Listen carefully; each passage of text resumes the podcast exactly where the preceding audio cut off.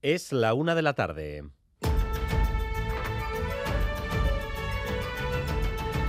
Crónica de Euskadi con Dani Álvarez. A Rachaldeón, el tráfico y la movilidad son dos asuntos centrales ahora mismo en nuestras ciudades y pueblos. ¿Cómo regularlos? ¿Cómo adaptar el tráfico a las nuevas exigencias y necesidades? Lo saben bien en Vitoria-Gasteiz, donde tienen el debate, por ejemplo, del BEI, o en Donostia. Y en Bilbao, atención a la nueva OTA, que busca achicar aún más los espacios a los tubos de escape. Habrá OTA a mediodía y las multas aumentan de manera importante. Si te pasas una hora del límite, 100 euros. Xavier Madariaga. Se acabó hacer lo que hace el Peugeot 307 que tenemos ahora mismo delante, aparcar a las 12 y no mover el coche hasta pasadas las 3, porque de una y media a 3 siempre ha sido gratis. Eso ya no funcionará en apenas 10 días en el centro de Bilbao. Pues mal, porque también que sacar, querer sacar dinero de todos los lados. El parking también tampoco es una opción, o sea que, que mal, sí. Es mejor que sea gratis, evidentemente, pero si hay que pagar, pues de algo hay que recaudar.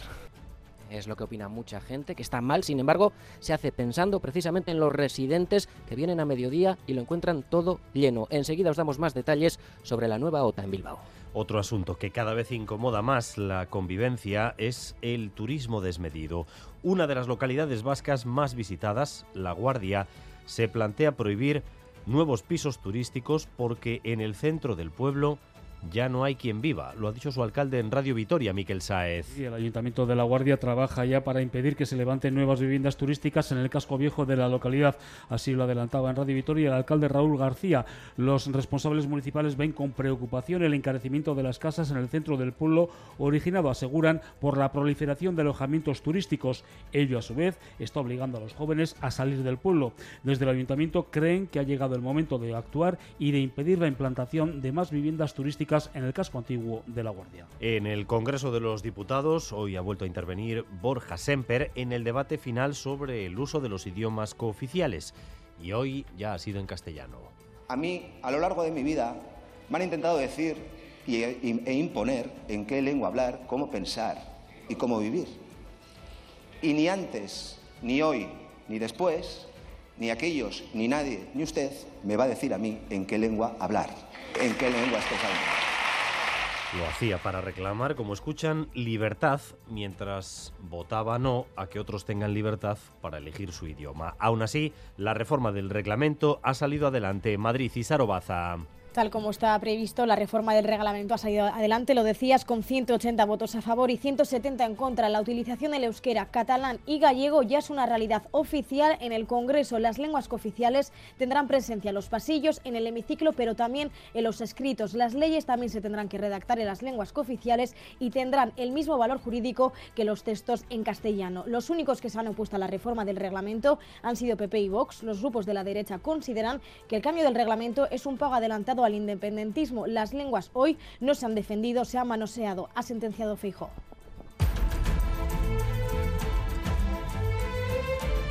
En Urrechu, Guipúzcoa, accidente grave, un camión ha caído al río. Situación ahora mismo, Mayalen Galparsoro. Carretera totalmente cortada en ese punto. Se trata de la Guipúzcoa 631 entre Urrechu y Zumárraga, donde un camión se ha salido de la calzada y ha caído al río Urola. El conductor está consciente, pero tratan a esta hora de sacarlo del camión.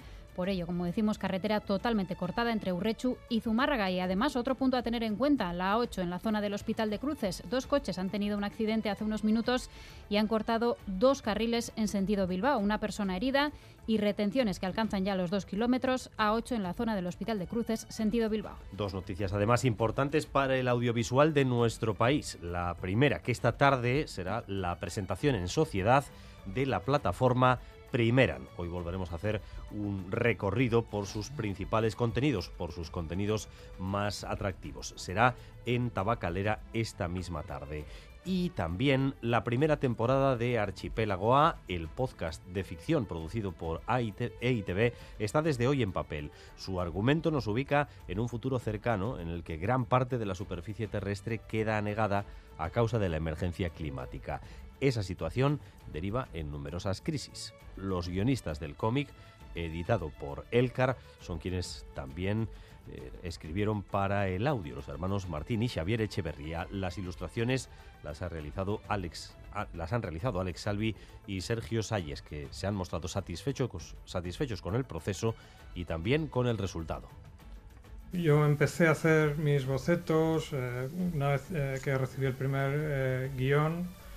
Apenas había descripciones muy exactas, sí que remarcan las características de cada personaje, pero en principio me han dado total libertad y vamos también con lo más destacado del deporte, con Álvaro Fernández Cadierno. Arrachaldeón, Álvaro. Arrachaldeón, día después del increíble empate 1 de la Real frente al Inter de Milán. Los Dimanol fueron netamente superiores, pero encajaban el tanto en la recta final del choque. Además, Estamos en la previa de ese Alavés Athletic de mañana en Mendizorroza con lleno hasta la bandera. En balomano derrota de Veravera en Málaga 26-21 y en pelota hoy se juega en Logroño Lezcurdia Rezusta frente a Peña Mariez Currena, quien gane a la final de la Feria Matea. En cuanto al tiempo, ya lo ven ustedes, lluvia y viento también durante las próximas horas. Temperaturas más frescas, hoy no van a superar en ningún punto los 20 grados. De hecho, hay ahora mismo 19 en Bilbao, 17 en Bayona, 16 en Pamplona, Vitoria-Gasteiz o Donostia. Gracias un día más por elegir Radio Euskadi y Radio Vitoria para informarse. Raúl González y Bea Leal se encargan de la dirección técnica, María Cereceda de la coordinación. Crónica de Euskadi con Dani Álvarez. La una de la tarde y seis minutos. El Congreso de los Diputados ha modificado finalmente su reglamento para que quienes lo deseen en tribuna puedan dirigirse a la sociedad en el idioma que les apetezca, para que haya en definitiva libertad de elección.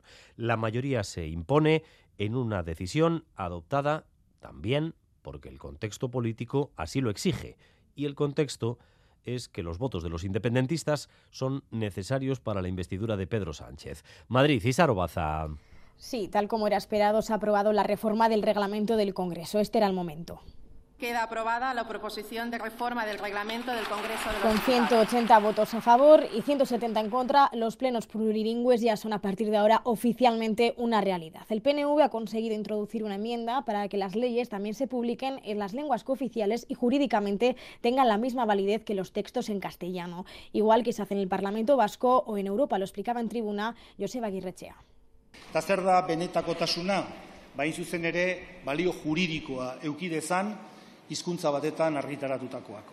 Eskatzen duguna eta dela ba, benetan eh. Ha sido un pleno reivindicativo en el que han resaltado las puestas en valor de las diferentes lenguas cooficiales y con relatos de historias familiares. Ha sido el caso de Belpozueta de H. Bildu, que ha aprovechado su intervención para poner en valor el euskera en Navarra. Le ha pedido al PSN que sea más valiente en las políticas lingüísticas. Nafarroan euskararen kontra politika publikoak egin dira. Eta bai, UPNek eta PSNek bat egin dute euskararen aurrako politika hoietan. El cambio de reglamento se publicará previsiblemente mañana en el Boletín Oficial del Estado. El Partido Popular y Vox, ya lo saben ustedes, han votado en contra. Dicen no y lo dicen en nombre de la libertad. Ese ha sido el argumento principal de Borja Semper, que hoy no ha intervenido en euskera. Y Feijó ha empleado también esta medida para tratar de caldear su mitin antiamnistía del fin de semana. Isaro. Efectivamente, en el pleno del martes Semper se lanzaba a la piscina, se arrancaba a recitar algunas frases en su discurso en euskera Sortea un día dugu, hau da egia. España Palabras en euskera para defender que no se hable en euskera en la Cámara, pero tras las críticas y el malestar en algunos sectores de su cúpula, hoy el portavoz ha intentado únicamente hablar en castellano. Semper ha defendido las tres enmiendas parciales del Partido Popular así, solamente en castellano. Ha fiado al PSOE su cambio de criterio en cuanto a la reforma del reglamento de Congreso, ya que hace algo más de un año los socialistas votaron en contra de una iniciativa similar. Ustedes votaron en contra de una modificación igual que la que se somete hoy a, la consideración de esta Cámara. ¿Por qué lo hicieron? Entiendo que ha habido un cambio. ¿Qué ha cambiado? El cambio está en Waterloo. No hay escenificación posible que pueda tapar la realidad. Si las necesidades de Pedro Sánchez cambian, ustedes cambian. La reforma del reglamento supone para los populares un pago adelantado de los socialistas a los independentistas para mantenerse en el poder, pero para Feijóo hoy no se han defendido las lenguas, se han trapicheado con ellas. No acepto que manosee una de mis lenguas en beneficio exclusivo de un solo hombre en España.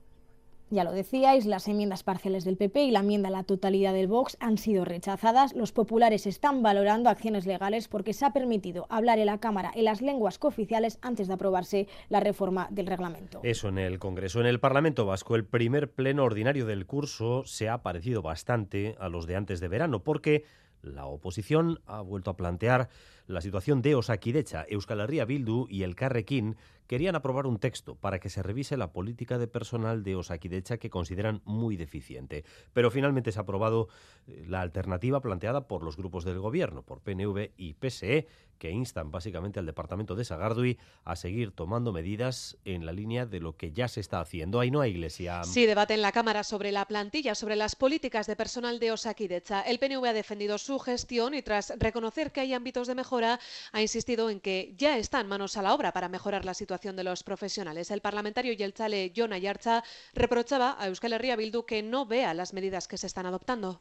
Parece mentira que ignore eh, de esta manera el hecho de que estamos en pleno proceso de ejecución de dos OPEs que van a consolidar más de 11.000 personas. Frente a esa locura estereoscópica que usted nos plantea, yo, sin utilizar el Zoom, solo le presento la realidad. Efectivamente, como decía el Endacari en el Pleno de Política General, es una realidad que tiene margen de mejora. La iniciativa que traía EH Bildu y a la que se ha sumado el Carrequín Podemos IU, que como decimos no ha salido adelante, pedía al Departamento de Salud puestos de trabajo, especialmente en atención primaria, y en líneas generales revisar la política de personal. Rebeca Ubera. Ez dira baja kubritzen, ez dira oporretan ordezkapenak betetzen, ez ditugu behar besteko profesionalak etenik gabeko arretagunetan eta osasunetxeetan, eta orduan osakidetzak protokolo bat ateratzen du medikuen funtzioak erizainak egiteko, eta abar. Ezinbestekoa da, premiazkoa da lan baldintzak eguneratzea. Ubera, que se ha referido también al plan del Departamento de Sagardui de incrementar el desvío de pacientes a la red privada para aligerar las listas de espera. Un parche, un disfraz, ha dicho Ubera, que no soluciona el problema de fondo y que tiene su origen en esa falta de profesionales en la sanidad pública que denuncian. Efectivamente, esta mañana se hablaba de la derivación de pacientes a la privada por parte de Osakidecha a partir de sendas informaciones del correo y de Gara en línea también o aparentemente con lo que se ha anunciado esta misma semana por parte del Gobierno de Navarra. La consejera Gozones Agardui rechaza que haya un plan especial en este sentido, tal y como se ha insinuado. Las derivaciones a la privada son en especialidades concretas y dentro de lo presupuestado son el conjunto de medidas disponibles que tiene Osakidecha para realizar su actividad la propia, por supuesto, y la que está previsto que tenga en colaboración con entidades sin ánimo de lucro y con entidades privadas. Y cada organización, en la medida de sus circunstancias, irá adoptando paulatinamente las medidas que requiera. Declaraciones de la consejera Sagardui después del acto desarrollado por las instituciones vascas en memoria de las víctimas de la COVID-19. El Endacari Urcullo ha presidido ese acto por cuarto año consecutivo celebrado, como es ya habitual, en el Parque Sempervivens de Gasteiz. Llevamos y llevaremos con nosotros y nosotras el dolor por todas las personas fallecidas. Compartimos un acto solemne en memoria de las 8.800 víctimas del coronavirus en Euskadi. No queremos olvidarlo, queremos recordarlo. Recordar aquella tristeza es una forma de hacer presentes a las víctimas.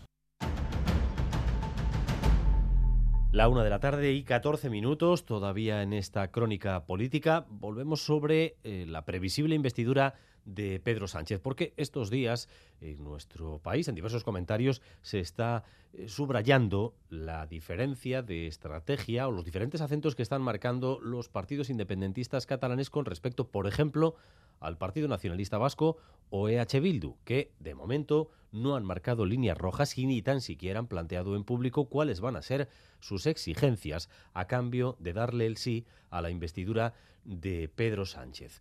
En ambas formaciones, pero sobre todo en las últimas horas en el PNV, se viene a, decir algo así Fermín Alberdi como ya llegará nuestro turno. Sí, lo primero que parece que se ha salvado ha sido lo de Europa y el euskera. Los negociadores del PNV recibieron la llamada directa de Álvarez. La carta del ministro a la UE iguala euskera, catalán y gallego al pedir su inclusión en el régimen lingüístico. Aitor Esteban decía en Gambara que le van a hacer un seguimiento a esto. Nosotros, desde luego, lo que vamos a estar es ojo a Baizor. Si la petición, como parece, sigue siendo eh, la misma para los tres idiomas, confiamos en que eso se vaya desarrollando positivamente. Ni Esteban ni Antonio Ortuzar confirman, no obstante, los votos del PNV para Sánchez. Amnistía para los catalanes, autodeterminación para los catalanes. Ayer mismo 450.000 millones de euros que Junts reclama como deuda.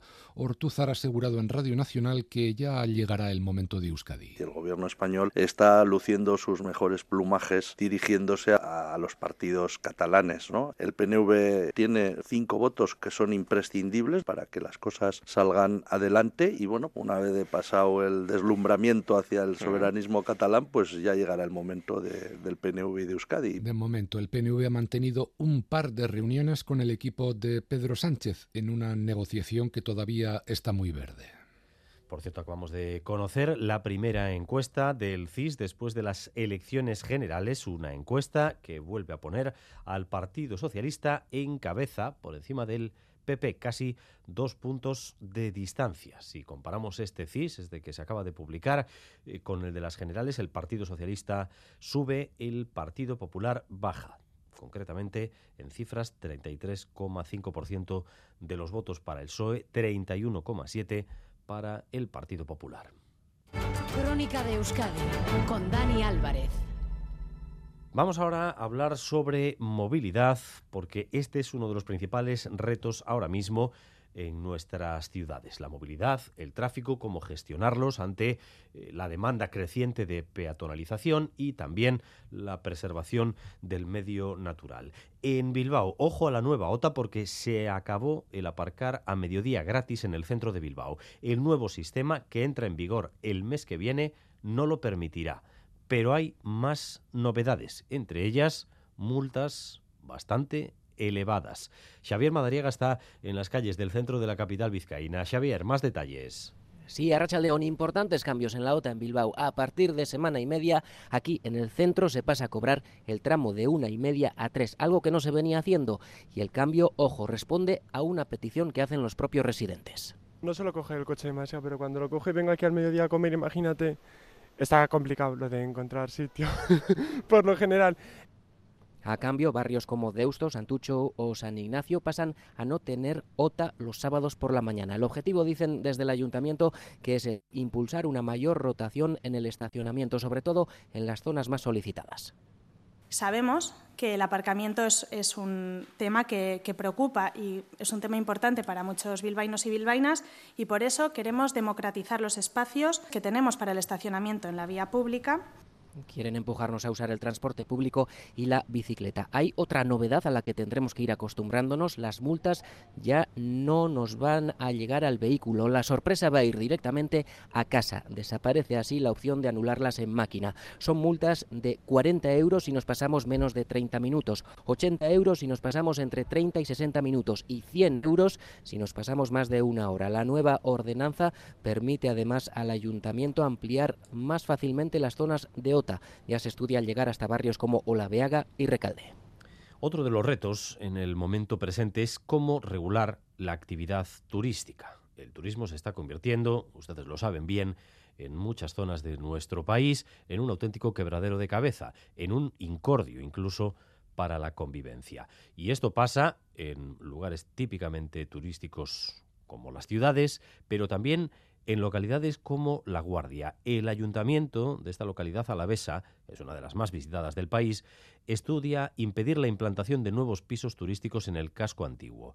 El alcalde, el gelchale Raúl García, ha asegurado en Radio Vitoria que el auge de estos alojamientos turísticos provoca un fuerte incremento del precio de las viviendas y está obligando a los jóvenes a irse del pueblo. Miquel Saez. La Guardia es uno de los principales destinos turísticos de Araba y de todo Euskadi. Desde el ayuntamiento consideran que la situación todavía está lejos de ser agobiante, aunque ha comenzado a generar efectos negativos. Según ha asegurado el alcalde de la, Guardia, Raúl García, en Radio Vitoria, la proliferación de casas turísticas en el casco antiguo del pueblo está provocando un encarecimiento de las viviendas en esa zona precio es lo que ahora mismo se nos está yendo de madre, digamos, y el motivo no es otro que del auge de las viviendas turísticas y las casas rurales, que al final hacen que solo vengan eh, personas a invertir, normalmente de fuera además, compren casas antiguas y las arreglen para, esta, para invertir en este sentido. En el centro de La Guardia se están vendiendo por más de 250.000 euros casas pequeñas que necesitan una rehabilitación integral.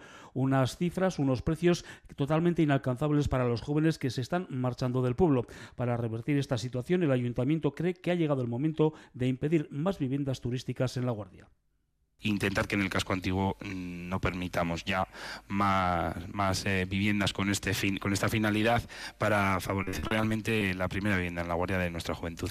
Por cierto que el consistorio continúa con los trámites para implantar la OTA en la guardia. Si no se producen retrasos, está previsto que la OTA comience a funcionar en enero del próximo año. Una de la tarde y 20 minutos. El sector del vending está en auge. Las empresas dedicadas en Euskadi a la venta de comida y bebida en máquinas expendedoras dicen que el negocio no para de crecer, aunque cada vez hay más competencia por parte de las compañías internacionales. Y se quejan, también tienen ellos quejas, los del sector del vending. ¿Cuál es la principal? Que los usuarios no valoran suficientemente el servicio que dan, Rodrigo Manero. Sí, en Euskadi hay 15.000 máquinas de vending, 7 por cada 1.000 habitantes y el sector factura unos 75 millones de euros anuales. En los últimos años el negocio no ha dejado de crecer y las empresas esperan que siga haciéndolo, con máquinas cada vez más modernas. En muchas ya se puede pagar con tarjeta y pronto veremos más innovaciones. Carlos Abad es el presidente de la Asociación de Empresas Vascas de Vending. Hay posibilidades y de crecimiento porque la, tecnología en las máquinas cada vez es, mayor. Pues novedades como que ya te acercarás a la máquina de café y viéndote la cara ya sabrá qué café tienes. Las empresas locales se enfrentan, eso sí, a las grandes compañías que, según dicen, tiran los precios de los productos y hacen que el usuario no valore el servicio. Así lo cree el responsable de Bocadís, Aurelio Aranaga. El sector no está valorado. La gente da un botón y toma un café de 40 céntimos, que igual es mucho mejor que el café que podemos tomar en cualquier cafetería, pero es una mierda. Y la otra pelea es qué ofrecer. Les piden productos más saludables, pero a la hora de la verdad dicen solo se venden chocolatinas y snacks. Leire Odrozola de Urcotronic. La máquina de vending es impulso. Yo habitualmente no suelo tener impulsos de comer manzanas. Entonces, de alguna manera, está claro que cuando haya demandas de productos saludables en los clientes, claramente somos los primeros en, en querer ofrecerlos, pero tenemos que hacer rentables nuestras máquinas. El sector está creciendo también con el auge de las tiendas 24 horas o tiendas físicas como librerías, carnicerías o, de comida preparadas que también ofrecen sus productos en estos dispositivos. Ahí está el sector del vending reivindicándose, reivindicando el café de máquina y el ladrillo de chocolate frente a las manzanas. Seguimos adelante porque en Iruña se ha puesto en marcha una campaña de concienciación eh, sobre algo que parece que todavía nos tienen que decir que no meemos en la calle. Por San Fermín chiquito, eh, un poco de civismo. Aritz Aguirre. En San Fermín Chiquito, 24 horas para el chupinazo, los vecinos de la calle Calderería y San Agustín han iniciado una campaña muy divertida para concienciar sobre la situación tan desagradable. Han colocado carteles como Tsunami de Pis, encuentra las diferencias entre un cerdo y una persona meando en la calle, o Recicla, donde aparece una persona meando en la cerveza en la que bebe. Y es que nos advierten de que desde jueves a domingo, cada mañana, tienen que soportar esa ese deleznable olor y esa situación de encontrarse meadas la calle, nos hablan incluso de ríos en la bajada de Javier y califican como pisódromo, una situación que han intentado darle la vuelta con humor, buscando la contra y mm, poniendo de relieve esa situación con cuñas en diferentes bares que colocarán eh, cuñas de audio entre canción y canción advirtiendo sobre esa grave problemática. Es un palo bastante gordo, te da bastante mieditis, pero bueno, después de ese primer palo, bastante bien. Hay algo más porque tú no eres quien tú eras. Estás como ausente, como diferente, muy baja, muy baja, muy, muy despistada.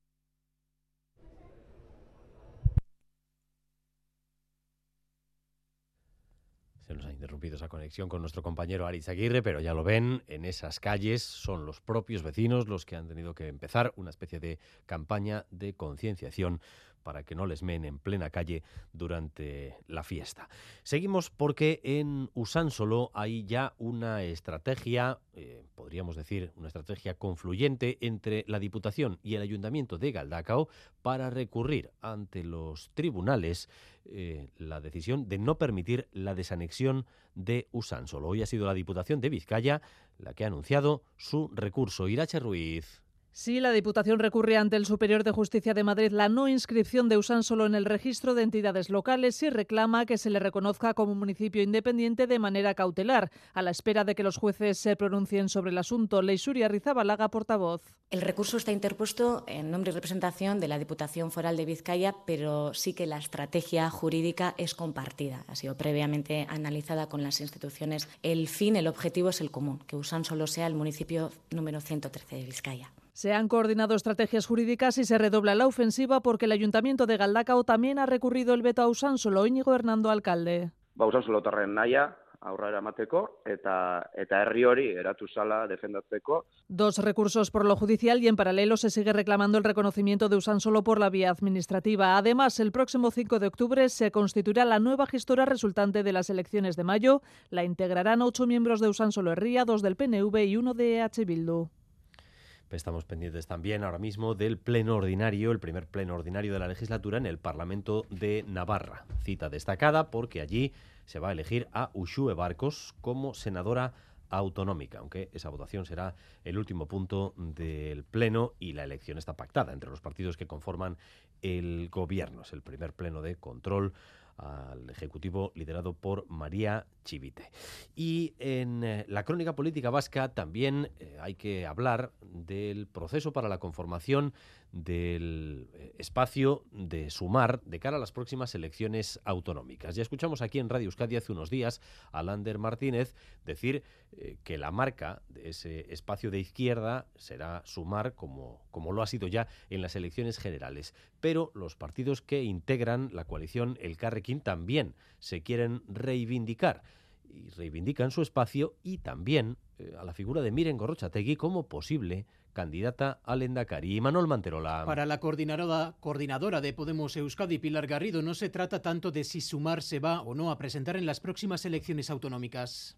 Ya sé que sumar, hablamos todos de sumar, pero sumar hablando de Euskadi, ¿no? No, no existe como fuerza política, tampoco en estatal. Prefiere hablar, por tanto, de un espacio político que ahora se llama el Carrequín y que apuesta por continuar en la senda iniciada en las últimas elecciones municipales y forales, volver a unir a todo ese espacio en torno a un proyecto. Habrá novedades en breve. Estamos trabajando también en un proceso de ampliación y de fortalecimiento que haremos público dentro de poco y en esa trayectoria, si Lander quiere colaborar y quiere participar, puertas abiertas. Se refería Garrido a Lander Martínez, el diputado de Sumar por Vizcaya, puertas abiertas a todo el mundo, eso sí, de cara a la candidata Lenda Cari, Pilar Garrido no, pero miren Gorrochategui. Sí, yo creo que Miren Morochategui, ella sí, tiene muchas, muchos boletos, ¿no? Aunque recuerda que la candidata se elegirá mediante primarias. Y última jornada hoy del juicio por la agresión que costó la vida al conductor del autobús bayonés, Philippe Monguillot. Comenzó el jueves y hoy es el día de los alegatos y de las peticiones. El fiscal pide 15 años de cárcel para los dos acusados. La sentencia podría llegar esta misma mañana o eh, esta misma tarde, perdón, o mañana mismo, Andoni Liceaga. Los dos acusados principales, Maxim Guyeno y Wisem Manay, ambos con estancias en prisión y antecedentes por drogas y otros delitos. Manay reconoció haber dado el último golpe al chofer Monguilló, aseguró estar cegado por la ira y añadió que el primer golpe lo dio el conductor. El tercer acusado tiene graves problemas psiquiátricos y su juicio ha sido pospuesto. El portavoz de la familia no tiene dudas tras lo oído durante estos cinco días. Tenían intención de matarlo. Jean-Denis Dartigue. La phrase qui a été entendue euh, et qui résonne encore à Balichon, c'est on va te finir. On va te finir. C'est quand même, ça veut dire ce que ça veut dire. El abogado de la defensa ha dicho esta mañana que estamos lejos de una vulgar pelea y que fue una muerte premeditada. El fiscal ha responsabilizado a ambos acusados por igual y ha pedido 15 años. La agresión mortal ocurrió en julio de 2020 y Monguillo murió unos días después en el hospital. Hubo grandes movilizaciones de repulsa en Bayona.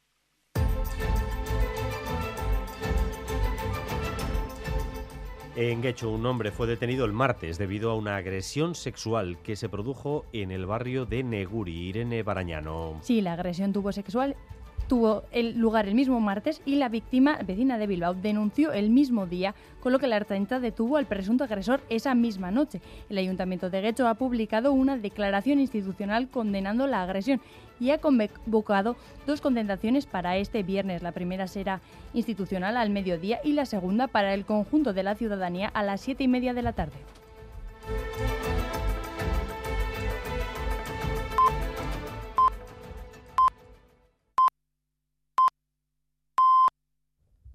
La una y media de la tarde. Seguimos en Crónica de Euskadi.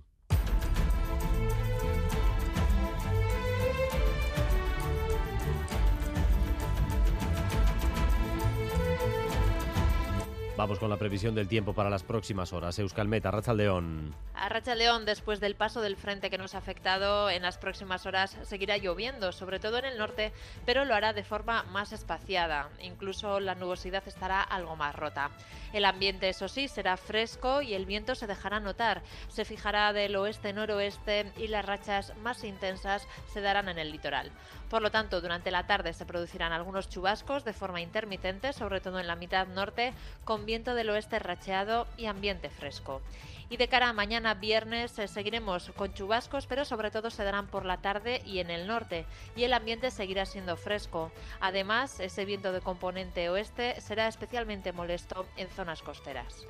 Y a partir de las 2 y cuarto, aquí en Radio Euskadi, la información deportiva en Quirola al Día con noticias, por ejemplo, como los ecos del partido de Champions ayer en Anoeta. Álvaro Fernández Cadierno, Arrachaldeón. Arrachaldeón, día después de jugar 75 minutos de máximo nivel, de someter al vigente subcampeón de Europa, pero también día después de empatar a uno ante el Inter de Milán. Sabor sin duda agridulce entre afición y plantilla. Bryce Méndez, autor del tanto local, pone voz a esa frustración.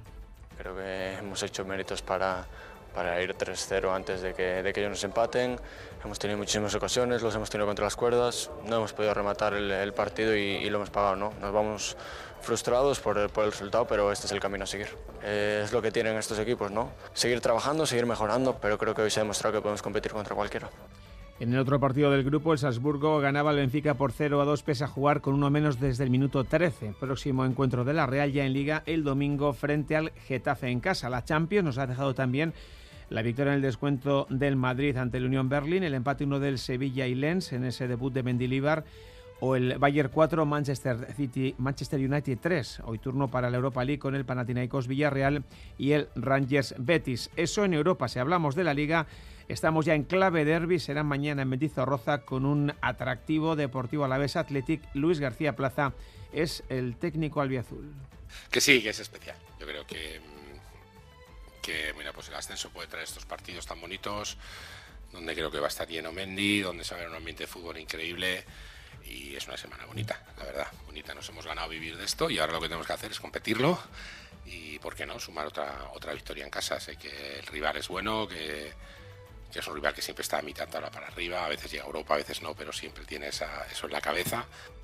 Para escuchar a Valverde habrá que esperar a las 5 de esta tarde. En balonmano, derrota de Vera Vera en Málaga 26-21 tras encajar un parcial de 10 a 2 en los primeros 15 minutos de partido. Primera derrota de la temporada para las de Imanol Álvarez. Es una pena porque solo, entre comillas, encajamos 26 goles, que no son muchos, pero aún así, solo encajando 26 goles, perdimos de 5, ¿no? Solo has metido 21 goles y así es muy difícil ganar no a Málaga, sino a cualquier equipo. Pero por otro lado, pues bueno, podemos ver esos brotes verdes, ¿no? Que vemos que, el equipo ante un rival muy muy duro, uno también de los grandes favoritos, pues sin hacer las cosas bien y fallando muchos muchos lanzamientos, eh, tuvo muchos momentos de estar cerca, ¿no? Hablamos también de pelota porque esta noche vamos a conocer el nombre de la primera pareja finalista de la Feria de San Mateo. En la Darraga de Logroño se van a enfrentar Ezcurri y Rezusta contra Peña y María Ezcurrena con premio para quien gane. Se meterá en la final. Escuchamos a Rezusta.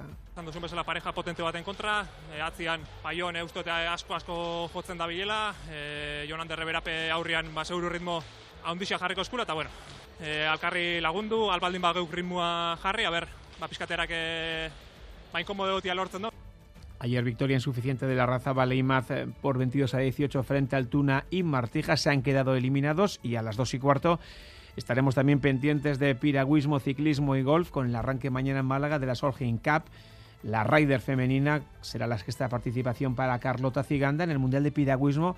Tenemos ya a Mayalen Chaurrot rozando otra medalla y estaremos también pendientes del europeo en ruta de ciclismo. Y a las dos y cuarto nos visita el nuevo técnico del Lointec Guernica. Eso a partir de las dos y cuarto en Quirol al día. Pero volvemos sobre la información del tráfico y sobre todo con ese accidente en la localidad guipuzcoana de Urrechu, donde un camión ha caído al río, estaba el conductor atrapado. Parece que los bomberos Mayalen han conseguido rescatar al ocupante del camión. Eso es, ha sido atendido en el lugar y se encuentra ya estable y fuera de peligro. Ha caído al río Urola tras salirse de la calzada con el camión, como decimos.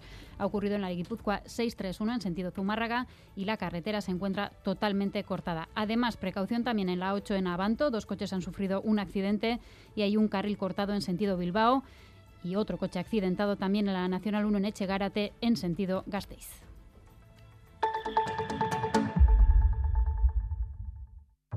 Cuando rascas un rasca mega millonario, un rasca por 10 o por 20 o cualquiera de los rascas de la 11, siempre rascas algo. ¿Algo? ¿Algo como qué? Pues, por ejemplo, puede rascar una celebración, mucha ilusión y puede que hasta un millón de euros. ¿Ah, sí? Pues entonces dame un rasca. Con los rascas de la 11 tienes un montón de maneras divertidas de rascar momentazos y premios de hasta un millón de euros. Rascas de la 11. Rasca el momento. A todos los que jugáis a la 11, bien jugado. Juega responsablemente y solo si eres mayor de edad. Este viernes en Boulevard, Javier Dieguez, el recién nombrado director general de Cibersaincha, la nueva agencia vasca de ciberseguridad, a las ocho y media en Radio Euskadi y ETV2.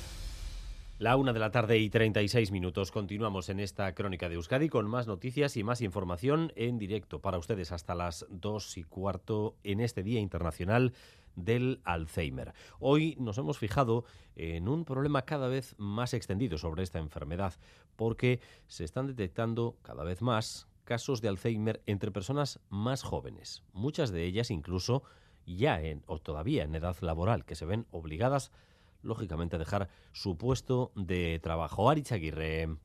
El 10% de los casos diagnosticados son personas menores de 65 años. Teresa Calderón trabajaba de limpiadora para tres empresas hasta que le detectaron el Alzheimer a los 59 años. Primero pensaron que era estrés, luego depresión y es Alzheimer. Es un palo bastante gordo, te da bastante mieditis, pero bueno, después de ese primer palo, bastante bien. Hay algo más porque tú no eres quien tú eras. Estás como ausente, como diferente, muy baja, muy baja, muy, muy despistada. O digo palabras que no tienen un poco mucho sentido. Yo ahora tengo una chuleta para poner el horno. O sea, es que yo ahora utilizo todo chuletas para prácticamente casi todo. Ahora tramita una incapacidad laboral, pero nadie le asegura por el momento que no tenga que reincorporarse a trabajar.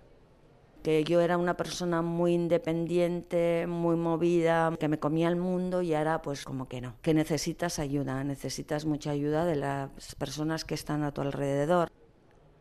Idoya Lorea es psicóloga de la Asociación Navarra de Familiares con Alzheimer. Nos dice que hay que cambiar la idea que tenemos de los pacientes con Alzheimer. Son personas que todavía tienen capacidad de razonar, de decidir, que son autónomas, que están integradas en la sociedad, algunos incluso en edad laboral. Tenemos que ir cambiando esa imagen que tenemos de persona mayor, que está quietica, que está sonriente, que está totalmente desmemoriada. Lo importante es atar cuestiones como el testamento vital, buscar ayuda y aceptar la nueva vida como viene intenta vivir el momento y ya iremos dándole cara, segurísimo, que vayan adquiriendo herramientas, a que se vayan adaptando, vivir el momento, disfrutarlo, todo lo que se pueda. Pero para poder dar ayuda reclaman más eh, recursos y sobre todo investigación. Día Internacional del Alzheimer. Les avanzábamos antes los resultados de la última encuesta del CIS, una encuesta que cambia las cosas con respecto al resultado que tuvimos en las generales, porque el Partido Socialista volvería a estar en cabeza. Y Manuel Manterola. Sí, según el CIS, el Partido Socialista se colocaría en este momento a la cabeza primera fuerza, mejorando su porcentaje de voto en casi dos puntos respecto a las últimas elecciones, las generales, que son los mismos que le sacaría al Partido Popular. Feijo en este momento empeoraría sus resultados, perdiendo punto y medio en porcentaje de voto, pero no es el único sorpaso que da el CIS. Sumar también se colocaría como tercera fuerza por delante de Vox. Y no es tanto que Sumar sube, que también, sino que Vox baja más de un punto. Y en cuanto a los cuatro canteranos del Real Madrid, presuntamente implicados en la difusión de un vídeo sexual eh, con dos víctimas, una de ellas menor, ya hay decisión del juez. El juez les imputa y les vuelve a llamar a declarar. Irene Barañano. Sí, deberán comparecer este 8 de noviembre. Unos días antes declararán las dos víctimas de 16 y 18 años y una testigo. El juez ha dado luz verde también al volcado de datos de los teléfonos móviles de los futbolistas. Los hechos ocurrieron en la localidad de Mogán, en Gran Canaria, en junio. Las denunciantes, madre e hija, señalaron que había unas grabaciones de relaciones sexuales consentidas de la menor pero que fueron grabadas sin su consentimiento. El Real Madrid anunció el día de las detenciones que cuando el club tenga conocimiento detallado de los hechos, adoptará las medidas oportunas. Dentro de unos minutos vamos a estar con Calder Pérez y nuestro avance diario de contenidos de cultura.eus, pero tenemos que subrayar una de las grandes noticias para el audiovisual vasco en la jornada de hoy, porque hoy se presenta oficialmente en Sociedad, en Tabacalera, la nueva plataforma de streaming de contenidos en euskera y eh, de origen vasco. Primeran. Va a haber casi 300 personas invitadas, entre ellas eh, representación eh, de todos los sectores del mundo audiovisual, bajo la presentación de la actriz Edurne Azcárate y el periodista Julen Hernández. En Tabacalera, a partir de las 7 de la tarde, con diferentes espectáculos, también música en directo. Si ustedes todavía no se han eh, descargado esta eh, plataforma, no la han integrado en su ocio. Este es un recorrido por lo que pueden eh, disfrutar en primera. Iñaki Larrañaga. Un inmenso catálogo da la bienvenida a Primeran, series, películas, contenido infantil. Black is Belcha 2 de Fermín Muguruza, y de Paul Urquijo. Series míticas, lo mejor del suspense escandinavo y novedades como el Kano Mugari Gabe. Y para chiquis, dibujos animados y para más mayorcitos éxitos. No la baña. Irabazi arte o Goasen, muy presentes en Primeran.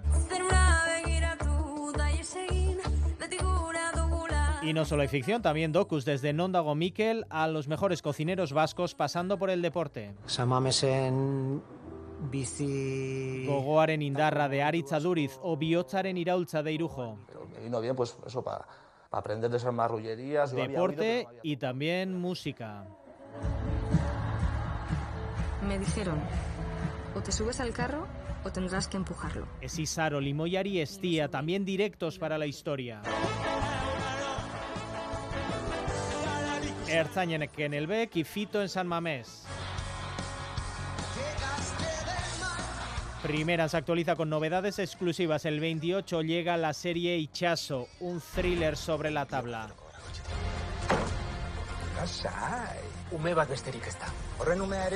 Y en octubre la película El Vasco con Joseba Usabiaga.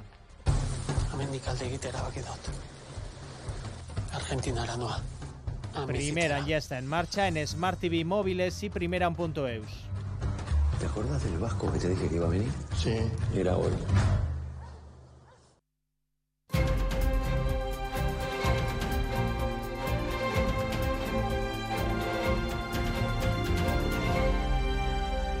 A la una de la tarde y 43 minutos abrimos capítulo internacional, como siempre, de la mano de Óscar Pérez. La disputa por las importaciones de grano de Ucrania en los países del este de Europa ha escalado a un nivel que pocos imaginaban, porque Polonia, Óscar, ha anunciado que no va a mandar más armas a Ucrania. Sí, Polonia ha sido el país que más refugiados ha acogido en esta guerra. Al principio fueron cerca de 9 millones, actualmente quedan en el país un millón y medio. Varsovia también ha sido uno de los fieles aliados de Kiev en el envío de armas. Fueron los primeros en mandar tanques Leopard, pero ahora su gobierno ha decidido cerrar el grifo. Lo ha anunciado en una entrevista en televisión el primer ministro Mateusz Morawiecki. No vamos a enviar más armas a Ucrania. Ahora nos armaremos nosotros y lo haremos con el armamento más moderno. Ellos se están defendiendo de un brutal ataque. Entiendo la situación, pero en adelante solo defenderemos nuestro país. Eso decía el primer ministro anoche. Horas después, esta mañana, el portavoz de su gobierno ha matizado que lo dicho por Morawiecki no afecta a los suministros de municiones y armas ya comprometidos, es decir, Polonia cumplirá con lo acordado hasta ahora, pero asegura que no habrá nuevos anuncios sobre entregas adicionales. Se ve que el enfado de Polonia es mayúsculo con Ucrania y con su presidente. ¿Por qué, Óscar? Bueno, el tema viene de lejos. Cuando al comienzo de la guerra la Comisión Europea decidió quitar los aranceles al cereal de Ucrania para ayudarle en la exportación por el bloqueo ruso del Mar Negro, mucha producción comenzó a llegar por carretera a los países del este de Europa, a Polonia, Hungría, Eslovaquia y otros, y lo hacía además a un precio muy competitivo, menor que el de los productores locales de esos países. Algunos de esos gobiernos del este reaccionaron prohibiendo la importación de cereal de Ucrania, lo que ha enfadado al gobierno de Kiev. Bruselas ordenó quitar esas prohibiciones, pero unos le han hecho caso y otros no. Y eso hizo que el martes Zelensky, Zelensky estallara en Naciones Unidas. And it is alarming to see how some in Europe, some our friends in Europe es alarmante ver cómo algunos en Europa exhiben solidaridad en el teatro político mientras hacen un thriller en el asunto del grano, decía Zelensky en alusión sin nombrarlos a esos países del este. Unas horas después llegaba el anuncio del primer ministro polaco. La situación se ha tensado mucho, pero cabe que se pueda reconducir, ya que los ministros de Agricultura de los dos países han hablado esta mañana por teléfono, van a tratar, dicen, de buscar una solución al problema del cereal. Y todo esto ocurre mientras Rusia ha seguido bombardeando Ucrania en las últimas horas. Según el gobierno de Kiev, el ejército ruso ha lanzado 43 misiles de crucero, de los que 36 han sido interceptados por las defensas. Han causado dos muertos, 26 heridos y unos 40 edificios han resultado dañados. Según el Ministerio de Defensa, los misiles han sido lanzados en distintas olas y en diferentes direcciones, cambiando su curso para confundir a las defensas aéreas, provocando alertas en diversas regiones como las de Kharkiv o la capital Kiev. Buena parte de estos misiles han ido dirigidos contra instalaciones energéticas en el mayor ataque a estas infraestructuras en seis meses, según el gobierno de Kiev. Mientras tanto, esta tarde-noche en Euskadi, el presidente Zelensky va a volver a entrevistarse en la Casa Blanca con Joe Biden. Mientras tanto, en la Unión Europea, hoy su Tribunal de Justicia ha advertido al gobierno francés que no puede devolver en caliente a los migrantes. Es la conclusión de una sentencia dictada a raíz de una denuncia de varias ONGs contra esas prácticas del gobierno galo. La Comisión Europea se limita a decir que los estados deben cumplir las sentencias. Nos vamos a Bruselas, a Maya, Portugal, a Racha León. Aracha León, sí, la sentencia efectivamente del Tribunal de Justicia de la Unión Europea responde a una prejudicial de la justicia francesa a raíz de que varias ONGs denunciaran al Consejo de Estado por saltarse la Directiva Europea de Retorno. Según esta directiva, los Estados miembros que interceptan a una persona migrante sin papeles la pueden detener o pueden empezar el proceso para devolverla, pero no devolverlas en caliente, tampoco a otro Estado miembro. Eso solo se permite como último recurso. En el 2018, las cámaras de Euskal Televista grabaron una furgoneta conducida por gendarmes cruzando la frontera de Endaya Irún y dejando a la altura de Ficova a varios migrantes, algo que el TJUE confirma con esta sentencia está fuera de la legalidad europea. Es un asunto que incomoda a la Comisión. La portavoz Anita Hipper se ha limitado a decir que toman nota y que observarán lo que ocurre, pero que corresponde a los Estados miembros cumplir con la ley.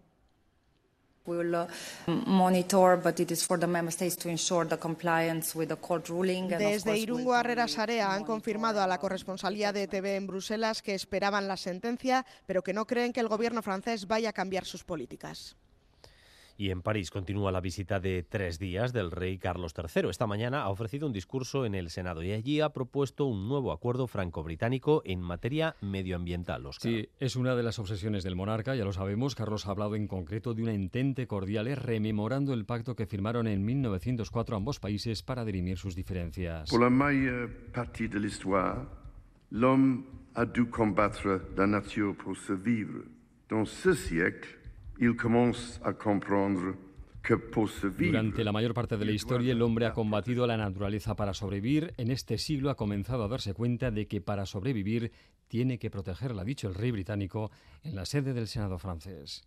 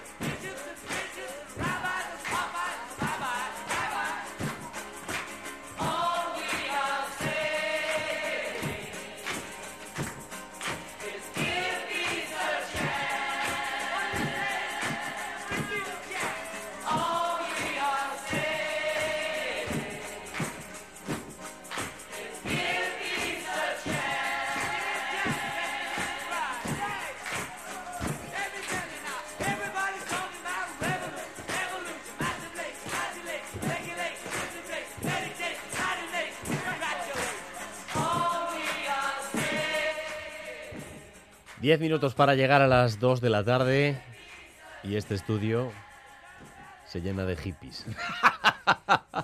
Yo como dijiste el, el otro día, no- creo que ha sido esta semana, que no eres nada de, de los Beatles, digo, pues una de Lennon, venga.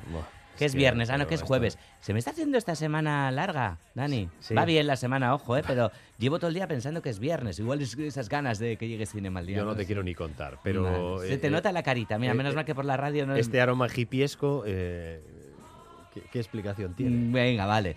Eh, tiene una explicación. Y es que se va a subastar una grabación de John Lennon, que tampoco esto tiene que ser una sección de subastas. Pero hay una historia detrás muy bonita. Es, es una grabación de hace 50 años de cuatro chavales que entonces, cuatro chavales daneses, Dani, entonces tenían 16 añitos y estaban por allí eh, Yoko Ono y John Lennon y fueron con su grabadora y les hicieron una entrevista, les dejaron salir de clase y demás porque colaboraban en el periódico de, de la escuela y entonces uno de ellos ha encontrado ahora el casete, lo van a subastar, tiene, tiene un valor incalculable, bueno, calculable, 47 mil dólares, pero bueno, me parece muy bonita esta historia de dejar a chavales y chavalas que salgan de sus clases habituales para hacer el periódico de, de la escuela, de la Icastola, ¿no te Ah, parece bonito? Está muy bien, sí, sí. sí, 16, una historia 16 chula. añitos, sí. Yo mis primeras piras legales las hice para, para el periódico que hacíamos La Icastola, bueno, la, la revista, el fanzino, lo que sea, o para hacer teatrito. Luego, mira, hemos acabado aquí en el teatro, ¿no? Dejen a las chavalas y a los chavales. ¿Cómo se llamaba el fanzine? Por pota. Ah, Que luego ha habido segunda edición, ¿eh? 20 años después y ¿Ah, demás. sí? Sí. Bueno, pues mira, a ti te salió rentable, a estos más, A, a esto- 47.000. a estos bastante más. La canción, por cierto, como no, era Give Peace a Chance.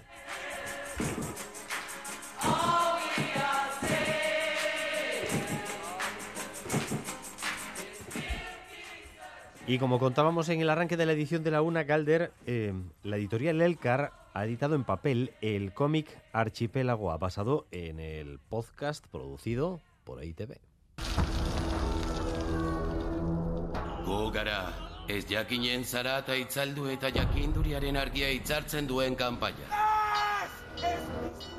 Es, es visto Arguía, Dani. Pues sí, el éxito de las dos temporadas de esta ficción de audio ha llevado a sus guionistas a convertir el podcast en cómic en papel. En la web ya se pudo ver, por cierto. Esta historia de ficción presenta un planeta asolado por las consecuencias de la emergencia climática que sufrimos día a día con una gran parte de la superficie terrestre anegada. Y esto, claro, pues acarrea múltiples crisis. Y en este contexto, Yare, una joven del archipiélago vasco con poderes ocultos, se involucra en un complot. Bueno, al igual que el podcast, el cómic también en euskera y con guion de los hermanos Martín y Xavier Echeverría y las ilustraciones en este caso de Alex Zambi y Jorge Sayes. Escuchamos a Alex Zambi. juvenil, todos los públicos, bueno, un poco más aventurero eh, que, lo que era el propio podcast. Entonces, ahí nos ha dado también mucho eso que en principio parecía que nos iba a cortar un poco las alas, al final ha sido libertad absoluta y eh, hemos enfocado el, el cómic por lo que al final eh, están podéis ver en estas páginas y eh, bueno, eh, muy contento.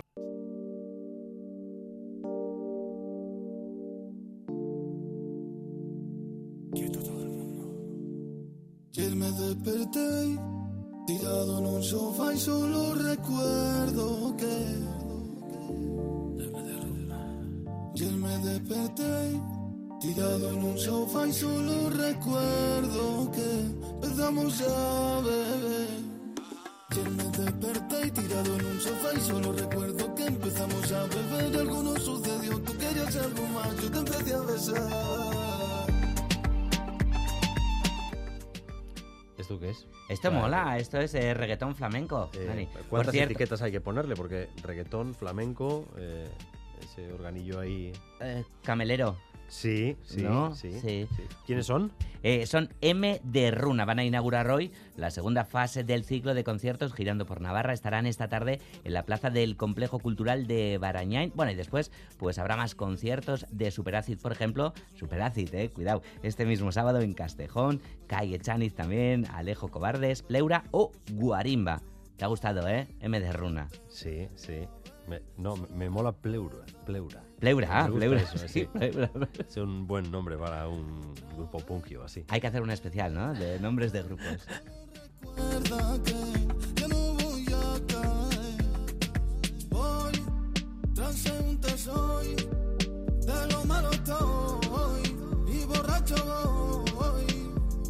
Y en el país de los festivales, desde esta mañana ya tenemos en marcha otro, en Pamplona, Festival de Cine de Navarra, hasta el sábado, 45 películas en Civicán eh, todas ellas cortometrajes. Sí, la quinta edición del festival llega con muchas novedades. Por primera vez el NIF es festival calificador para los Goyas. Hay más premios, un total de 21. Han preparado nuevas secciones como la dedicada exclusivamente a jóvenes cineastas y también hay un nuevo apartado, el Industry Hall, en el que profesionales del cine hablan sobre muy diversos temas como el mundo de la animación, el documental o el feminismo en el audiovisual.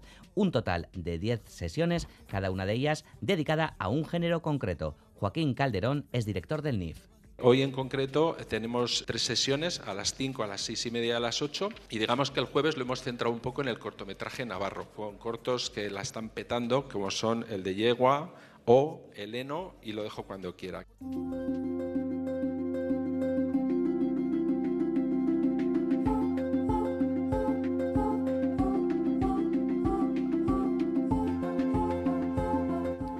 Si hablamos de cine, no podemos olvidar que Cinemaldia comienza mañana viernes, pero los primeros invitados ilustres empiezan a llegar ya a Donostia Galder. Sí, pisando alfombra roja vamos a ver ya algunos de los integrantes de la Sociedad de la Nieve con su flamante designación para los Oscars. Hoy estarán frente al María Cristina, su director J. Bayona y parte del elenco. Y otros eh, intérpretes también del Star System, como por ejemplo Vicky Luengo. Su llegada está programada para la una y media, así que no sé si habrá llegado ya Dani vendrá luego.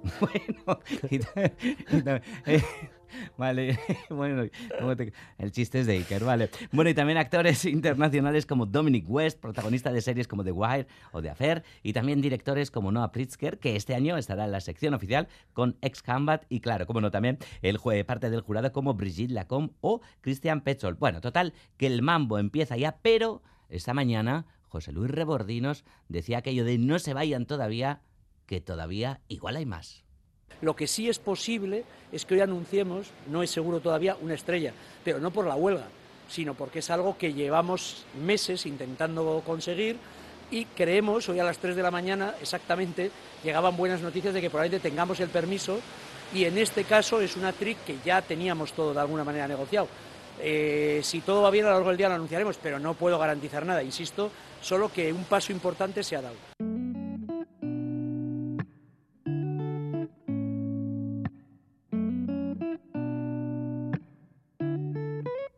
Artista de la intriga eh. ¿eh? siempre, en las últimos, últimas 48 horas, últimas 24 horas antes de que empiece. Hoy a las 3 de la mañana. Si todo va bien, podría ser que eh, vamos a intentarlo hasta el último momento. Siempre, siempre. Eh, Pero ahí nos, deja, ¿eh? Con nos la hace ahí con una, una dejada y al final siempre pasa algo. Y siempre, pasa algo, sí. Aparte que ahí estamos diciendo, actriz, ¿qué actriz será? Claro, porque con la huelga, claro, de Estados Unidos sí, internacional, pero ¿quién será? Bueno, ahí están nuestras apuestas.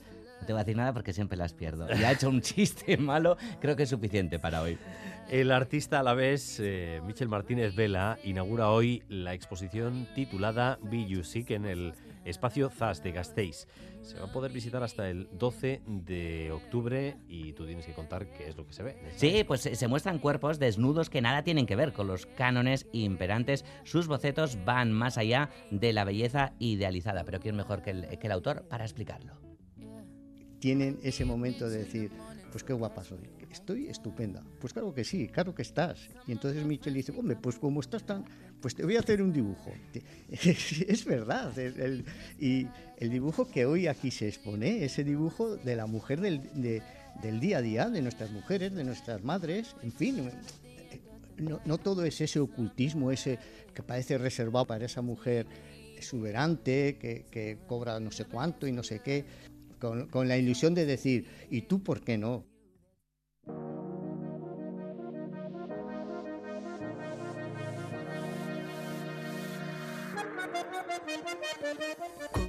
Ay, ay, ay, es el nuevo single del grupo Neomax. Sí, después de dos años eh, ofreciendo conciertos, hoy publican esta canción que podremos degustar después tranquilamente en cultura.eus. Geruarte Galder. Geruarte.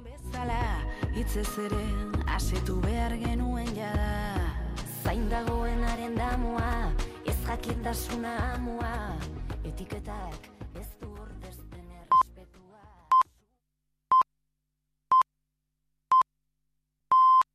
Son las 2 de la tarde.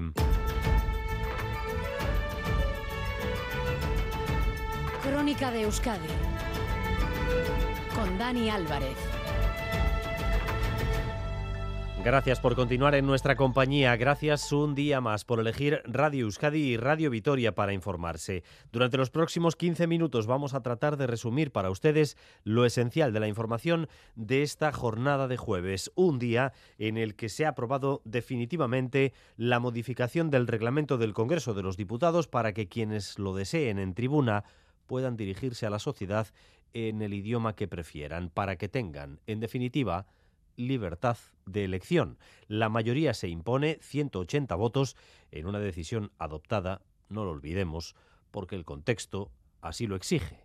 Y el contexto es que los votos de los independentistas son necesarios para la investidura de Pedro Sánchez. Madrid y Sarobaza, adelante.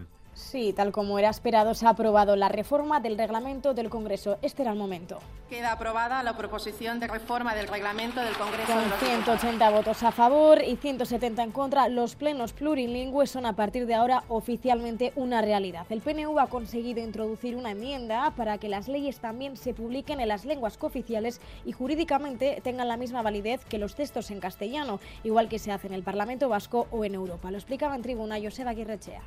Eta zer da benetakotasuna? Bain zuzen ere, balio juridikoa eukidezan, hizkuntza batetan argitaratutakoak. Hori da, eskatzen duguna, eta iruditzen zaigu behar beharrezkoa dela lege hau ba, benetan ganoraz eh, argitaratua izan dadin. Ha sido un pleno reivindicativo en el que han resaltado las puestas en valor de las diferentes lenguas cooficiales y con relatos de historias familiares. Ha sido el caso de Del Pozueta de H. Bildu, que ha aprovechado su intervención para poner en valor el euskera en Navarra. Le ha pedido al PSN que sea más valiente en las políticas lingüísticas. Nafarroan euskararen kontra politika publikoak egin dira. Eta bai, UPNek eta PSNek bat egin dute euskararen aurkako politika hoietan. El cambio de reglamento se publicará en el Boletín Oficial del Estado previsiblemente mañana mismo. Ya sabíamos que el PP y Vox iban a votar en contra de la modificación del reglamento. Dicen que no y lo dicen, hacen así los portavoces del PP, en nombre de la libertad. Ese ha sido el argumento de Borja Semper, que hoy no ha hablado en euskera. Feijó después ha dicho que esta modificación es... Eh, un paso más en las políticas personalistas de Pedro Sánchez. Trataba Feijó de caldear su mitin antiamnistía del fin de semana. Isaro. Sí, en el pleno del martes Semper se lanzaba a la piscina, se arrancaba a recitar algunas frases en su discurso en euskera, pero tras las críticas y el malestar en algunos sectores de la cúpula popular, hoy el portavoz ha intervenido únicamente en castellano. Ha defendido las tres enmiendas parciales del Partido Popular. Ha afeado al PSOE su cambio de criterio en cuanto a la reforma del reglamento del Congreso. Hace algo más de un año, los socialistas votaron en contra de una iniciativa similar. Ustedes votaron en contra de una modificación igual que la que se somete hoy a, a la consideración de esta Cámara. ¿Por qué lo hicieron? Entiendo que ha habido un cambio. ¿Qué ha cambiado? El cambio está en Waterloo. No hay escenificación posible que pueda tapar la realidad. Si las necesidades de Pedro Sánchez cambian, ustedes cambian. Pero Feijó ha sido más duro con Sánchez. Le ha acusado de manosear las lenguas cooficiales y sobre las ne negociaciones para la ley de amnistía denuncia que Sánchez ha cometido un fraude electoral. El curso de investidura en este momento es imprescindible porque hay un fraude electoral agravado y reincidente en el caso de que el señor Sánchez confirme lo que el señor Junqueras ha dicho, atestiguado que ya está pactada, que es una amnistía.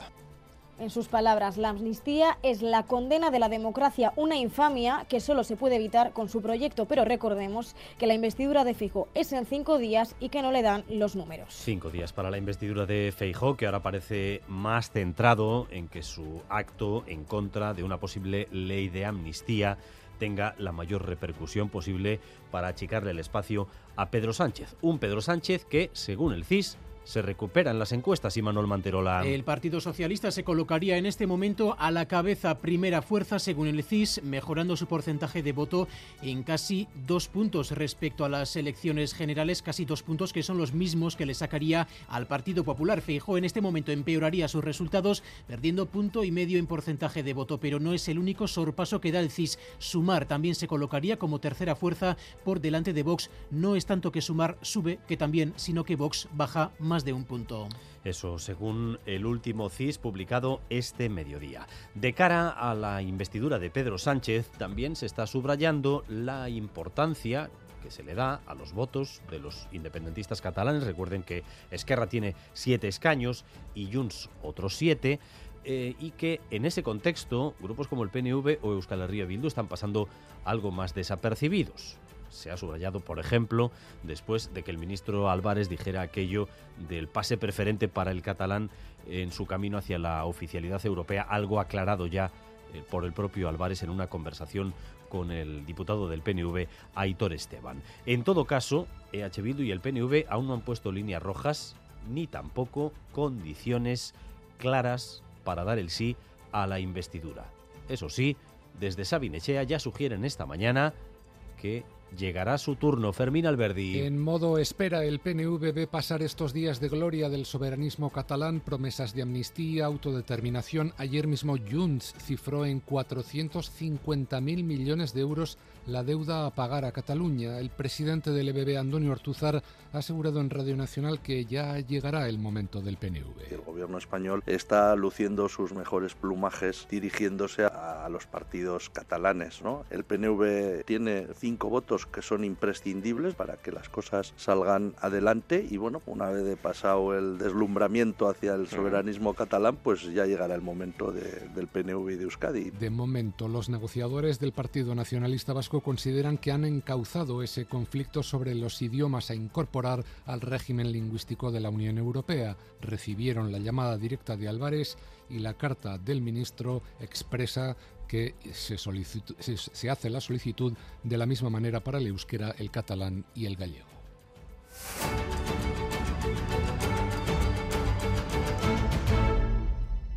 Dos y siete de la tarde. El tráfico y la movilidad son dos asuntos centrales ahora mismo en las ciudades y pueblos. Cómo regularlos, cómo adaptarlos a las nuevas necesidades. Lo saben bien en Vitoria, en Donostia o en Bilbao. Atención a la nueva OTA bilbaína que busca achicar aún más los espacios a los tubos de escape. Va a haber OTA también a mediodía y las multas aumentan de manera importante. Si te pasas una hora del límite, 100 euros. 100. Xavier Madariaga. Principal cambio al que tendremos que acostumbrarnos a esta hora, los mediodías, la OTA ya no será gratis en el centro. Así, muchos de los vehículos que tenemos ahora delante estarían ya fuera de plazo. Otra novedad importante, la multa no llega al parabrisas, la sorpresa llega a casa. Y estas van a ser las cantidades a las que nos enfrentamos. Si nos hemos pasado 30 minutos o menos, la sanción es de 40 euros. Si nos hemos pasado de 31 minutos a 60, la sanción es de 80. Y si ya entendemos que alguien se ha pasado más de una hora, la sanción es de 100 euros. A estas sanciones hay periodo de pronto pago que la sanción se reduce a la mitad. Hay más cambios, por eso arranca ahora un periodo de transición, seguro que con muchas dudas que el ayuntamiento nos aclarará en un call center que activan a partir de mañana mismo. Otro asunto que cada vez incomoda más, que revuelve más la convivencia, es el turismo desmedido. En la localidad de La Guardia, que es una de las más visitadas de nuestro país, el ayuntamiento ha admitido que estudia impedir la implantación de más pisos turísticos en el casco antiguo. El alcalde ha asegurado en Radio Vitoria que el auge de estos alojamientos turísticos está provocando un fuerte incremento del precio de las viviendas y esto obliga a muchos jóvenes a marcharse del pueblo. Pasa ya en La Guardia lo que pasa en muchos otros lugares de Europa. Miquel Saez. Desde el ayuntamiento consideran que la gran afluencia de visitantes y de turistas está todavía lejos de ser agobiante, aunque comienzan a detectar los primeros efectos negativos.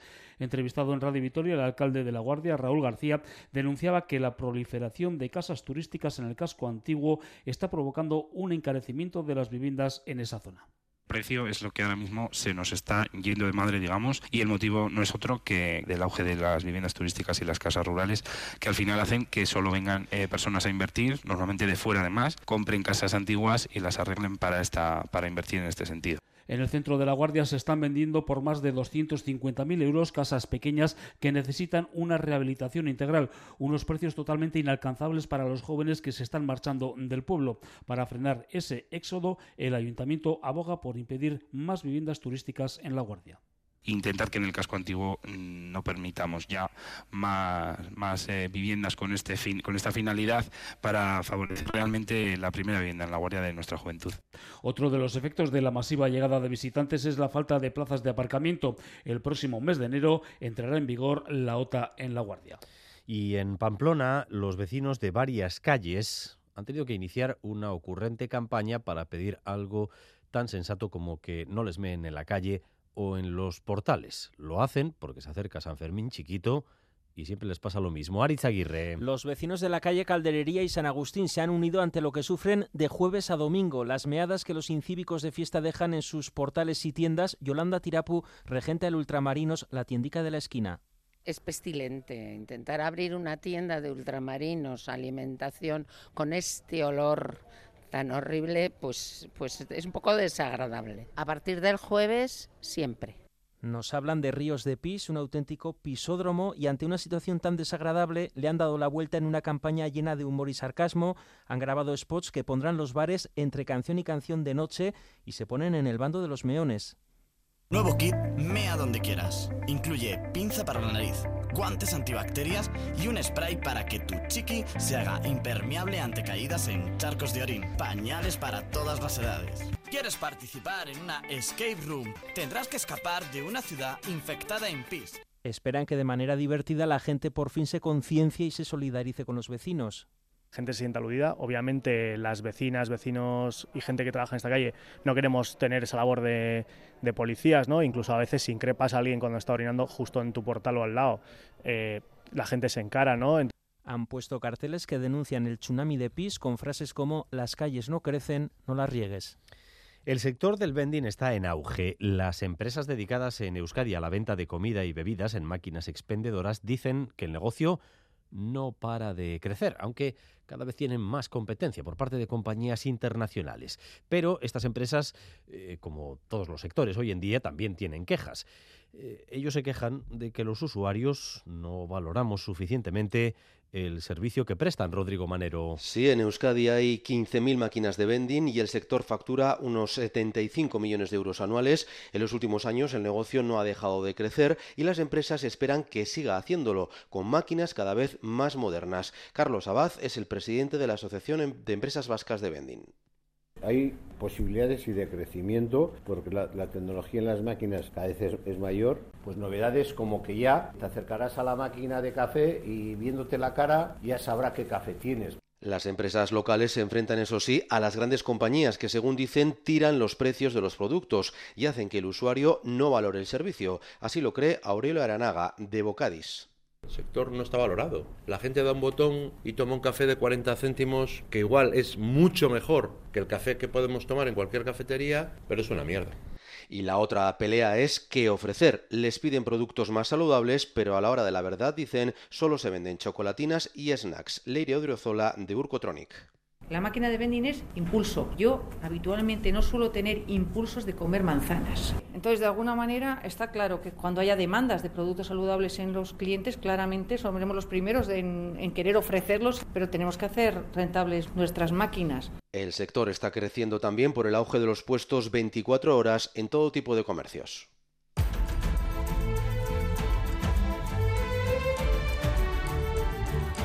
Recta final de edición con novedades en ese accidente grave registrado en Urrechu. Ya saben ustedes, un camión ha caído al río. Primero eh, pudo ser rescatado el conductor. Ahora parece que se abre una vía para ir retomando el tráfico poco a poco en la zona. Galparsoro. Eso es, la Ertzaintza está dando ya paso alternativo. Se trata de la Guipúzcoa 631 en Urrechu.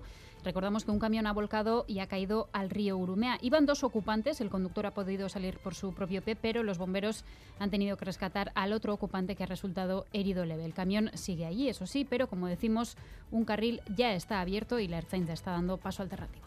Y la previsión del tiempo, Euskalmeta, Rachaldeón. A Racha León, después del paso del frente que nos ha afectado, en las próximas horas seguirá lloviendo, sobre todo en el norte, pero lo hará de forma más espaciada. Incluso la nubosidad estará algo más rota. El ambiente, eso sí, será fresco y el viento se dejará notar. Se fijará del oeste-noroeste y las rachas más intensas se darán en el litoral. Por lo tanto, durante la tarde se producirán algunos chubascos de forma intermitente, sobre todo en la mitad norte, con viento del oeste racheado y ambiente fresco. Y de cara a mañana viernes eh, seguiremos con chubascos, pero sobre todo se darán por la tarde y en el norte, y el ambiente seguirá siendo fresco. Además, ese viento de componente oeste será especialmente molesto en zonas costeras. Hasta aquí esta crónica de Euskadi con Raúl González y Bea Leal en la dirección técnica y María Cereceda en la coordinación. Más noticias cada hora en punto y a partir de las 7 en Gambara. Besteriquez, Zaindu. Crónica de Euskadi con Dani Álvarez.